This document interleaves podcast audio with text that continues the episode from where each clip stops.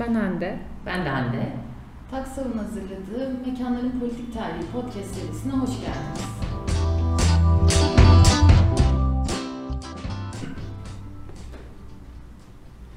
Merhaba.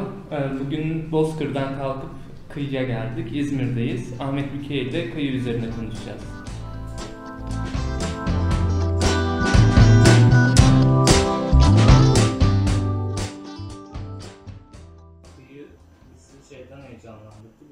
Karayla deniz arasında da bir emek hareketi var ve bunun bir tarihi var vesaire. Bu Veli İbrahim, Diva, İbrahim Divanı'nda da aslında biraz yine o onu anlatıyorsun ya kıyı insanının o denizle kurduğu ilişki, o emek hareketi oradan e, yaşamını e, devam ettirme sürecini vesaire. Biraz buradan başlamak istedik aslında bunu muhtemelen gözlemledin ve bir, bir heyecan uyandırdı. Yani, yaşadın aslında. Ya ben önce şeyi gözlemledim. Ba- başladık mı? Yani belki önemli bir şey söyleyebilirim o yüzden. Açtık. fark, et, fark etmeden. Evet. Ya e, şimdi bu den- denizle ilgili bir şey yazacağım zaman denizcilik araştırmaya başladım ben. Hani tabii sa- o zaman dünyaya da bakıyorsunuz. Çok fazla yabancı dilim yok benim ama yani Türkçe'ye çevrilmiş şeyleri okudum. Biraz da baktım e, internetten işte bir takım kaynakları karıştırdım anlayabildiğim kadarıyla. Bu e, bir de ben hani gözlemci gözlem yapmayı severim hani böyle bakmayı, bak dinlemeyi, bakarak anlamayı falan çok hoşuma gider. O yüzden biraz köylüyümdür. Yani köylüler görmediği şeye inanmaz yani. Çiftçi gözüyle öğrenirler. Biraz taşra insan olmanın da özelliği herhalde. Şimdi dünya şeye baktım. Me- Mesela bu teknelerin e, bizim kıyılarımıza da geliyor yelkenliler. Biz Türk yelkenlileri de var. E, bir koyda onların nasıl demirlediğine baktık mesela. Bu çok ilginç bir gö- gösterge oldu bizim için. Benim için. Mesela Fransız bayraklı bir tekne çoktur. Bütün dünya sularında Fransızlar bayrak aşarlar. Yani denizci bir millet oldukları için. Ee, işte sonra İngilizler falan Amerika. Bir koyda e, onlar şöyle geceliyor. Geliyor uygun bir yere demir atıyor. Gerekiyorsa iki demir atıyor. Ee, alarga deniyor yani o açık koyun biraz açığında. Orada kalıyorlar. Şimdi demirde e, rüz- rüzgar ve dalgayla tekne döner böyle. Sürekli yavaş yavaş döner. Çok rahatsızlık da vermez insana. Türkler nasıl geceliyor? Kıçtan kara denilen bir yöntem var. Demiri atıyor, şöyle atıyor demiri. Bir de kıçtan karaya bağlıyor kendini. Yani illa karayla bir teması olacak. Yani aslında bu yani denizci, denizci milletin e, ya da denizciliğin ne kadar içselleştirip içselleştirilmediğini anlıyor. Kışlar kara hiç yapmana gerek, gereken bir şey değil bu. E, ama e, biz tam denizci olamadığımız için, yani tam anneden kopamadığımız için, anne dediğimiz kara, kara. E, anneyle bağımızı tam koparamadığımız için hep bir ayağımız, bir tarafımız e, şeyde olsun istiyoruz. Bu Türk Türk tekneleri genelde böyle yapar. E, yani bir aslında denizcilik şeydir. Karayla bağını koparmışsındır. Gidersin deniz elbette karaya gerekli anda dönersin ama amaç denizde olmaktır. Her şeyde denizde olmaktır. Gecelerken ama bir tarafın e, ga- garanti karaya bağlayarak şey almak bize özgü bir şey. Yani tam şey mekanından kopamamışız. Ee, bir de buradaki den- kıyı denizciliği de öyle biraz. Şimdi benim romanda anlattığım e, insanlar balıkçı e, ama kıyıda aslında dalyanları. Ya kıyıya bağımlılar. E, onun için de bir deniz canlısına bağımlılar aslında. Yunus ya da yırtıcı bir balık balık sürülerini kovalayacak. Balık sürüleri kurtulmak için kıyılacak. Kıyıda da bizim dalyanımız olacak. Oraya girince yakalayacağız. Bir ayağı da zaten şeyde zeytincilik yapıyorlar. Kopmamışlar. Hatta zeytinyağını e, balık avında kullanıyorlar. İşte şey, şeffaflaştırsın. Aslında şeyden kopamama, karadan kopamama hali var. Ee, bilmiyorum. Böyle bir şey. Aslında yani bizde biraz hani o kıyı yani bir mekanın ya da kentin şehrin kıyısı olmasıyla olmaması arasında acaba hani bu karasallıkla kıyı arasında bir yani hayatın örgütlenmesinde bir farklılık oluyor falan gibi düşündük. Bir de siz de hani Ankara'da zaman geçirmişsiniz. Ankara'da böyle bir kıyısızlıkla hani denizi olmamasıyla ünlü böyle bir yer. Hani öyle bir hani gözlemden de karşılaştırma çıkabilir mi acaba? O karasallıkla kıyının hani hayatın şekillenmesinde bir rolü var mı? Yani aslında İzmir'de kıyı şehri ama e, İzmir'de kara kara insanı gibi yaşıyoruz. Çok şey değil, denizci değiliz. Yani bu en çarpıcı örnek o benim görebildiğim. Bir yere demir attığında kıçtan kara karada bir ayağı olacak herhangi ki çok konforsuzdur da. Çünkü burada demir atarsınız, kıçtan karada bağlanırsınız. Gece dalga çıkar mesela. Sürekli hırpalar sizi. Öbürü demir de böyle döner dalgaya göre. Öbürü sürekli. Ama gene de hani ne olur ne olmaz diye bir ucu karaya bağlı. Ben şey soracaktım aslında denizin izinde ama ondan önce şeyi sorayım. Bu kıştan kara bağlananlara önce geldik ya. Yani bu hani Deli İbrahim Divan'ı da size söylediniz hani o böyle denizde yaşıyorlar ve denizden besleniyor ama kıyıya kök salmış gibiler. Yani o kıştan kara bağlılar gerçekten. Deli İbrahim Divan'dakiler de öyle. Aslında hani belki Türkiye için de böyle kıyıda yaşayanların tamamı için böyle e, diyebiliriz. Ama mesela işte Fransa için başka bir şey Evet. söylemiş olduk. Yani belki hani ülkenin biraz tarihi, ekonomi politiğiyle alakalı e, bir şey de olabilir. Ya öyle tabii bu e, yani denizci ülkeler şöyle olmuşlar. E, şimdi denizi önce insan kaynağı gerekiyor.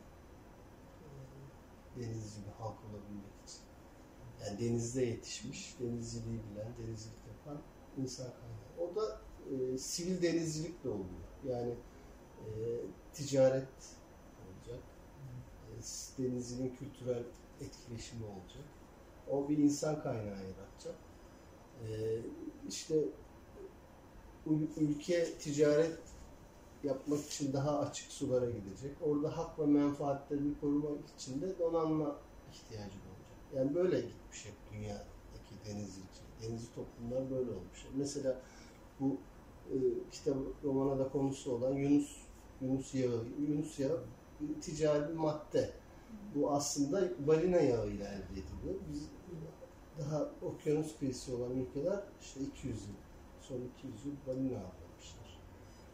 Balinalar belli yerlerde oluyor, avlak alanları oluyor. Oraya gidip avlıyorlar. Orada ama mesela Fransız balinacılarla İngiliz balinacıların bir rekabeti oluyor. O rekabeti korumak, işte hak menfaatlerini korumak için de Fransız donanması, İngiliz donanması gibi çatışmalar oluyor. Yani donanma en son gelmiş. Bizde ise önce donanma düşünülmüş.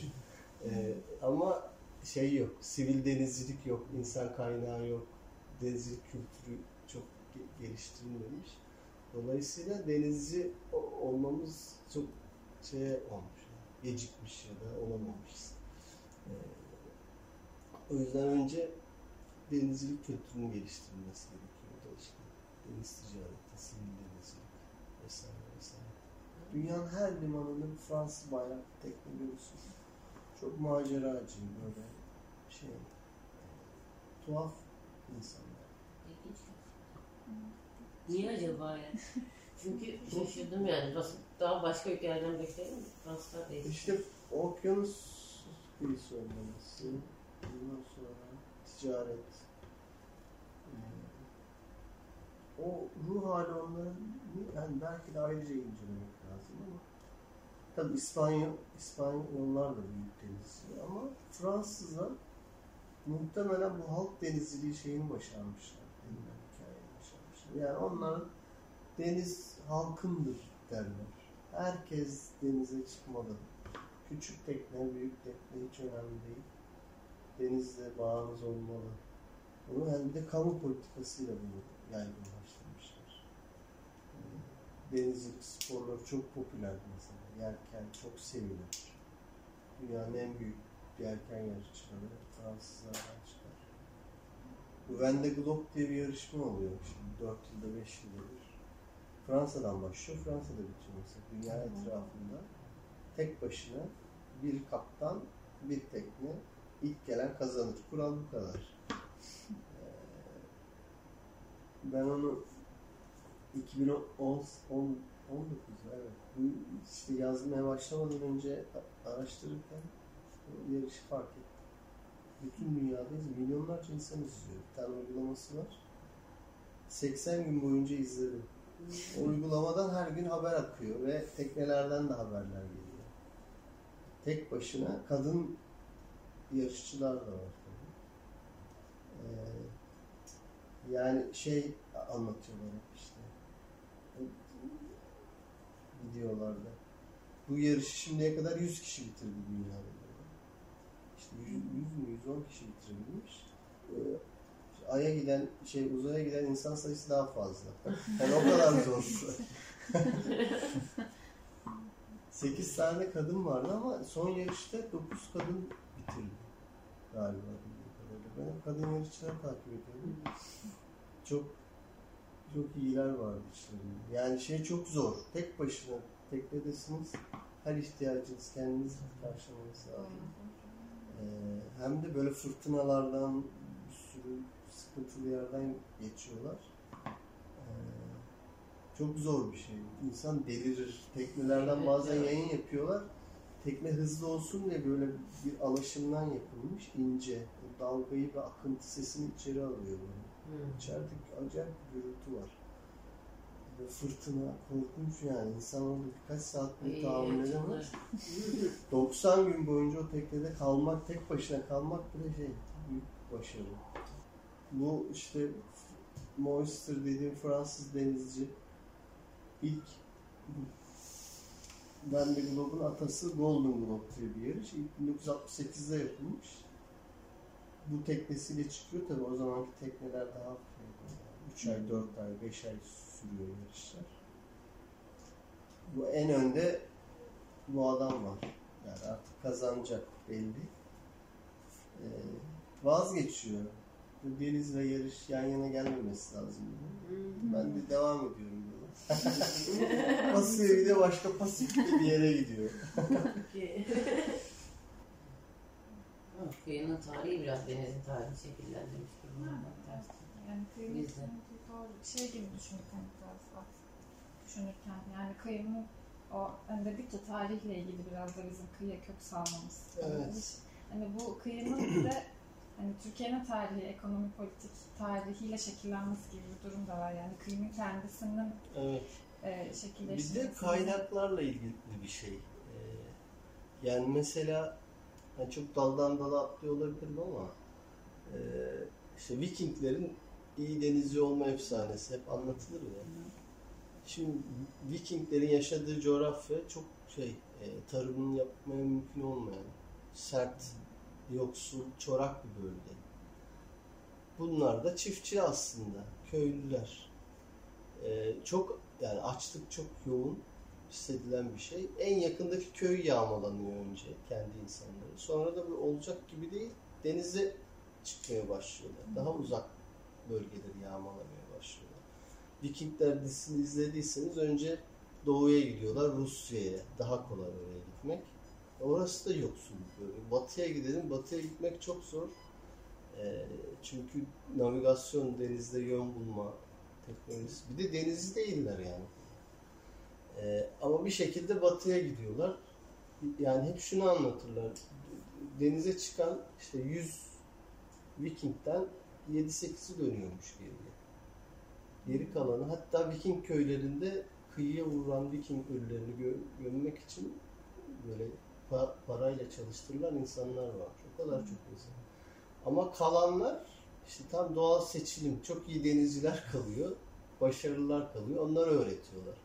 Onları öğrettikten sonra e, o denizcilik kültürü yayılmaya başlıyor. Ama hani büyük çok büyük bir bedel olur ya koşullar nedeniyle. O kadar yoksul bir bölge olmasa, o kadar fakr zerret içinde olmasalar muhtemelen açık denizlere gitme ihtiyacı duymayacaklar.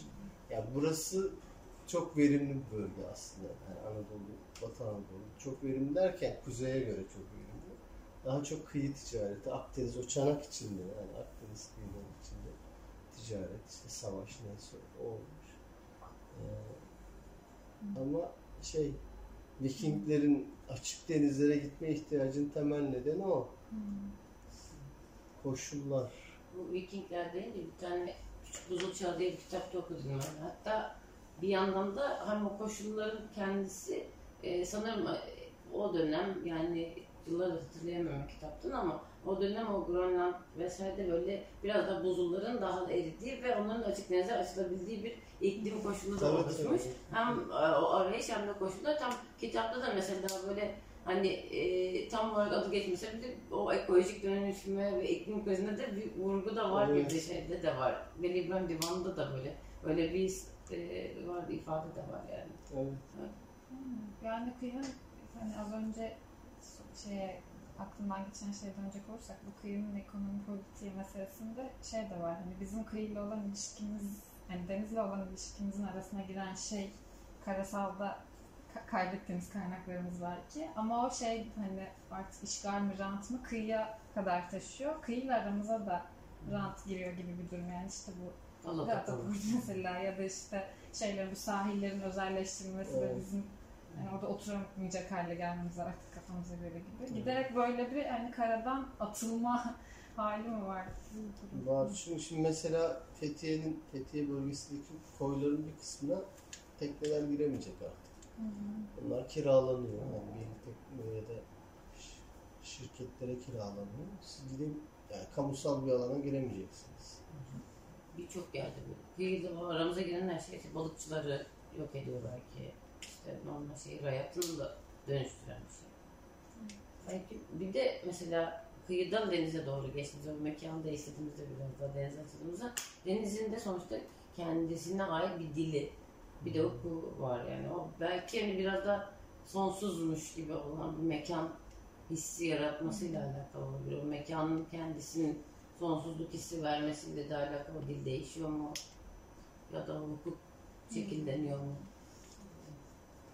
Yani bu e, işte insanların denizle ilişkisi ilginç tabii yani. Bu epey bir çalışmak gereken bir alan herhalde. Denizcilik hep çok zor yap. Zor bir meslek olmuş. Ve hani bu biz e, tekneler e, limandan ayrılırken uğurlanır ve herkes de duygulandıran bir şeydir aslında. Hala öyledir yani. Bilmem ne, yani ne. Bu aslında hani şimdi niye duygulanıyoruz diye düşündüğümüzde şu, şu anda giden teknelerin hemen hemen tamamı dönüyor. Ama daha bundan 100 yıl önce e, açılan teknelerin en az yarısı dönemiyormuş yelken çağında ya da 200 yıl önce. E, yani aslında vedalaşma yani E, çok ve işte yine o dönem e, İngiltere'de hapishanedeki koşullar gemilerdeki koşullardan daha iyiymiş mesela kıyaslandığı zaman. Çoğu zaman tayfalar zorla toplanıyor. Yani salma usulü diye böyle tayfa ihtiyacı var. Yoksul mahallelere gidip tayfa buluyorlar. Zorla çalış, çalıştırıyorlar. Ama buna rağmen insanlar hani denizden de vazgeçemiyor. Ee, İşte o yani hem macera hissi elbette ticaret var. Para kazanılıyor ama e, bir şekilde denizciler de denize de tutkun. Yani denize çıkanlar tekrar dönmek istiyor. Karadan yapamıyor. E, yani il- şey ilginç bir e, ilişkisi var insanın denizle arasında. Şey de ilginç ya, başta söylediğiniz aslında migrasyon yok bir şey yok. O sonsuzluk içinde denizler o mekan algısını nasıl kuruyor ya da hani sanırım şey denize falan çıktın bu şey içinde tekne merakında varsın. Bunu nasıl kuruyorsun? İlginç şey mesela. Ya işte göksel cisimlerle yol yorumlama. Yani bir sürü şey var. Ee, çok eski çağlardan beri yön bulma imkanlarını geliştirmiş insanlar. Ee, tecrübe, işte kerterize diyelim.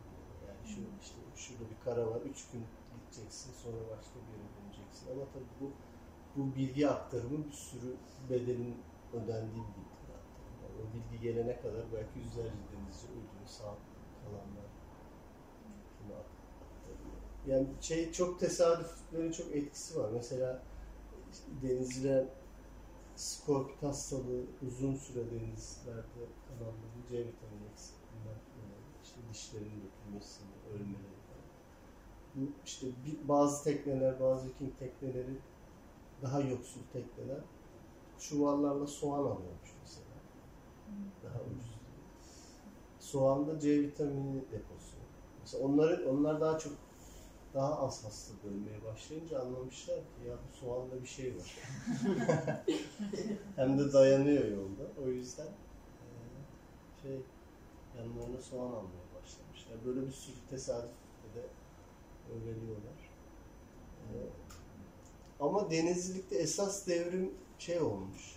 Benim anlayabildiğim kadarıyla. Eee, bu arma tiplerinin değişmesi. Yani yelken tiplerinin. Bu şey e, Viking gemilerini hatırlayın. Kare karedir hep yelkenler. O kaba sorta arma denilir. O arkadan rüzgarın pupadan itmesiyle tekne gider. E gitti nasıl dönecek? Karşı ters rüzgarın çıkması lazım. Dolayısıyla gemi e, şey denizcilik mevsime ve rüzgara bağlı bir faaliyet. Yani buradan gittiniz doğuya.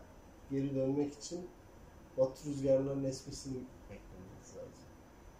Arap denizciler Akdeniz'de bu e, belli bir açıyla rüzgara karşı tırmanan e, Latin yelkenleri, bildiğimiz üçgen yelkenleri O üçgen yelken aslında şey uçak kanadının aynı formudur.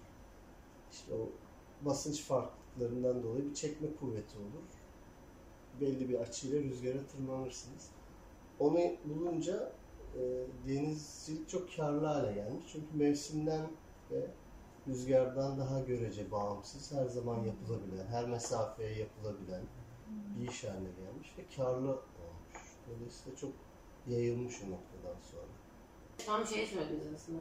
Hani burası için o mekan bir yandan gerçekten o kara, karadan kaçıyor mu? Neydi? Kıştan Kıştan kara. karaya bağlı şeyini hani hissediyordu. Biz de onu hissettik aslında bir yanıyla. Belki onu tam direkt vurgulamış olduk. Evet. Zaten neden öyleyi biraz da. Zaten tekne de kendi başlı başına bir mekan aslında.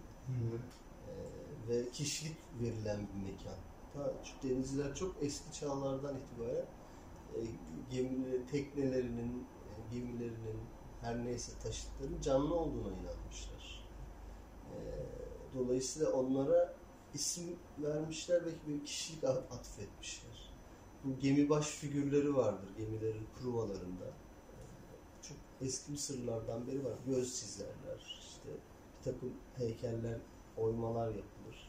Onlar aslında geminin kişiliği olduğunu, yani hem mekan olarak e, bir mekana yaşayan bir mekan olduğunu hem de gerçekten canlı olduğunu inanırlar. E, Ve dişi ol, gemilerin dişi kabul edilmesinin nedeni de o aslında. Yani hayatı ürettiği için e, dişi kabul edilir gemiler. Ve, e, yani tekne kaybı çok üzer mesela gemicileri. Teknesini kaybetmek. Bir yakınını kaybetmek gibi hisseder. Mümkün olduğunca kaybetmemek ister. O yüzden kaptanlar en son hani terk eder falan. Bir şey geleneği var. Ama e, mekan olarak da algılanır. Mesela Türk Müslüman Türk denizciliğinde ayrıca şey önemli yani bir mabet gibi de görülür. Çünkü namaz orada kılınır. Dolayısıyla temiz de tutulması gerekir. İşte kadırgaların bir şeyiyle yani çok temiz olmasına özen gösterilir. Namaz da orada kıl- kılındığı için falan. Ee, yani bir mekan olarak da şeyi var. Ee, aynı zamanda tabuta benzer. Ben tabii çok bu aşırı yorum da e, Köroğlu hikayesiyle çok benzetirim mesela şeyi tekneleri. Köroğlu bizim en eski destanlarımızdan birisi. Aslında Goroğlu'dur o ilk hali. Gor eski Türkçe'de mezar demek. Ee, mezar oldu. Çünkü şey Köroğlu'nun annesi Köroğlu'na hamileyken öldürülür bey tarafından ve gömülür. Köroğlu mezarda annesinin karnından doğar ve elleriyle toprağı aralar dışarı çıkar. Onu bulan köylüler Köroğlu'nu, Goroğlu'nu yetiştirirler. Koroğlu büyür hem annesinin hem de halkının intikamını alır. Yani ölümden hayat doğar anlatıyor aslında. O döngüyü anlatıyor. Yani en karanlık zamandan bir aydınlık çıkar. En imkansız şeyden tekrar bir imkan doğar. Ee, işte şey de aslında tekneler de insanların tabuta benziyor. Denizde. Yani o ölümden tekrar doğmayı e, belki de hissediyorlar. O yüzden çok bağlılar teknelerine, denize. E bir de evrimsel süreçte biz denizlerden geldiğimizde düşünürsek e, aslında o şey tamamlanmış gibi oluyor. Köroğlu parlar geri dön. O şey vardı kitapta hani deniz kendisinden beslemek isteyen kucak açar vurgusu bir yandan da oraya geri dönmüş. Evet. Kendinden olanı unutmazmış mesela. Yani aslında insan da kendinden. Yani hem çok korkar insanlar hem çok hala öyle eskiden de denizden çok korkulmuş. Ama vazgeçemez. yani. Ee, muhtemelen çok büyük protein kaynağı beslenmek için büyük bir imkan ve işte o dönem daha eski dönemlerde e, denizde çok şey yani balığın yiyeceğin vesaire kaynadığı bir şey. E, kıyıda hatta çok kolay balık avlanabiliyor. O yüzden vazgeçilmez. Bir de şey e, bütün denizler aslında bir ulaşım yolu. Yani bir yere gitmeyi kolaylaştıran, mümkün kılan yol ve te- temas e, imkanı sağlıyor. O yüzden denizciler mesela daha şey insanlardır. Dünyaya açık insanlar. Tırnak içinde daha barışçılardır. E Çünkü temas ederler. Hani başka kültürlere tan tanımadığına düşman olursun. Tanıdığına düşman olmazsın. Şey ben mesela şey şaşırttı hani asıl ait olduğumuz yerden falan. Çünkü hani konuşmanın başından beri şey düşünüyordum hani hiç ait olmadığımız bir yere alışmaya çalışıyoruz. Hani aslında denizcilik bize çok yabancı olan bir şeye alışmaya çalışmak Evet. ve hani orada bir şey kurmaya çalışmak ama bir anlamda aitmişiz. Bu düşünce şey oldu. Ee, yani işte kara insan olduğumuz için böyle düşünüyoruz. Ama denizle temas edenler bunun tam tersi olduğunu söylüyor ve denizle temasta o yabancılık ve korku hissi çok hızlı tersine döndüğünü söylüyorlar hep o deneyimle. Biz deneyimlemediğimiz için biraz düşman ve yabancı gibi geliyor bize. Ama e, yani şimdi mesela denizciler hep şunu söyler. Çok zordur, lanet olsun. Karaya, ha, kara özlenir, karaya gelir. 15 gün sonra denize dönmek ister. Yani evde çocuk çocuk falan değil. İlla denize dönmek. Bu ilginç bir şey mi? Bağ olduğunu düşünüyorum ben. Yani çok yabancı ve düşman bir ortam olsa ve öyle bir bağ kursa oraya dönmek istemez kolay. Ama bütün denizlerde bu böyle bir şey var. Tekrar mutlaka denizde olma hissi, o sonsuzluk, işte dünya ile evrenle bütünleşme hissi, ee, muhtemelen onlar ve gerçek evimizin orası olduğu aslında. Yani Fransız denizci Bernard Mois- Moister diye birisi var. Çok aslında Fransız denizcilik ekolünün kurucularından biri. Onlar halk denizciliğini savunuyor. Yani denizler halkındır ve herkes denizci olmalı, olabilmeli. Onu söyle. O mesela e, uzak doğuda yetişmiş. Doğmuş. Babasının işi nedeniyle. Çin taraflarında. Orada denizciliği Çinli yaş denizcilerden, balıkçılardan öğrenmiş. Ee, sonra işte dünya dünyada epey böyle hani denizciliği de öğreten insanlardan birisi olmuş. O hep öğrencilerine e, Mesela önce pusula kullanmadan yön bulmayı öğretilmiş. İşte güneşe bakarak, yıldıza bakarak, koklayarak, hissederek yönünüzü bulacaksınız. Yani rüzgarın burnunuza geliş açısından onu koklayarak kuzey olduğunu anlamanız gerek. Ve bu öğrenebilir bir şey olduğunu söylenmiş. Öğretirmiş de. Tamam gene kullanın siz. Yani pusulanız olsun, e, a- nav- navigasyon aletleriniz olsun, haritanız olsun ama bunlara ihtiyaç duymadan da e, denizdeki bir varlık gibi yaşayabilirsiniz. Size öğretilmiş mesela. Yabancı değil senin mekanın gibi. Zaten burası senin esas evin. Onun söylediği şey. Yani denizciler de hep onu söylerler. Ben tabii o kadar denizci olamadım da teorik olarak. Bu denizler halkındır hikayesi ama bir yandan tam böyle, böyle bayağı denizler bayağı sınıfsal bir noktaya da var. Tabii, yani denizcilik sınıfsal. Kıyıyla olan ilişkimiz de aklıma. İşte bu Galapaport'tan falan bahsettik. E, ne bileyim kıyıların hani 1950'den sonra bu siz de anlatmışsınız zaten sonra işte kıyıların dönüşümü de öyle. Bir yandan hani oralara gelen yollar ve turizmin yükselmesi. Kıyıda olanın kıyıdan atılması Tabii. var. Bir de mesela normal kıyısı olan şeylerde de bizim hani ülkenin dört bir, üç bir yanı kıyı ve hani yine bizim ilişkimiz de bayağı kopartılmış. Kopartılmış. Çünkü sınıfsal bir şey. Yani denize bakıyorsun, denizle temas etmen için e, yani e, şeye ihtiyacın var mesela. Deniz aracına ihtiyacın var. Bu önemli değil boyutu. Yani halk denizciliğinde herkesin küçük büyük bir teknesi olması gerektiğini savunuyor. Ama mesela onu nerede barındıracaksın? En önemli sorun o. Fransızlar onu yerel yönetimlere görevler vermişler. Mesela Büyükşehir Belediyesi, denize kıyısı, kıyın mı var? Bir barınak yapacaksın. O barınakta atıyorum 10 metrenin altındaki tekneler çok ucuza kalabilecek.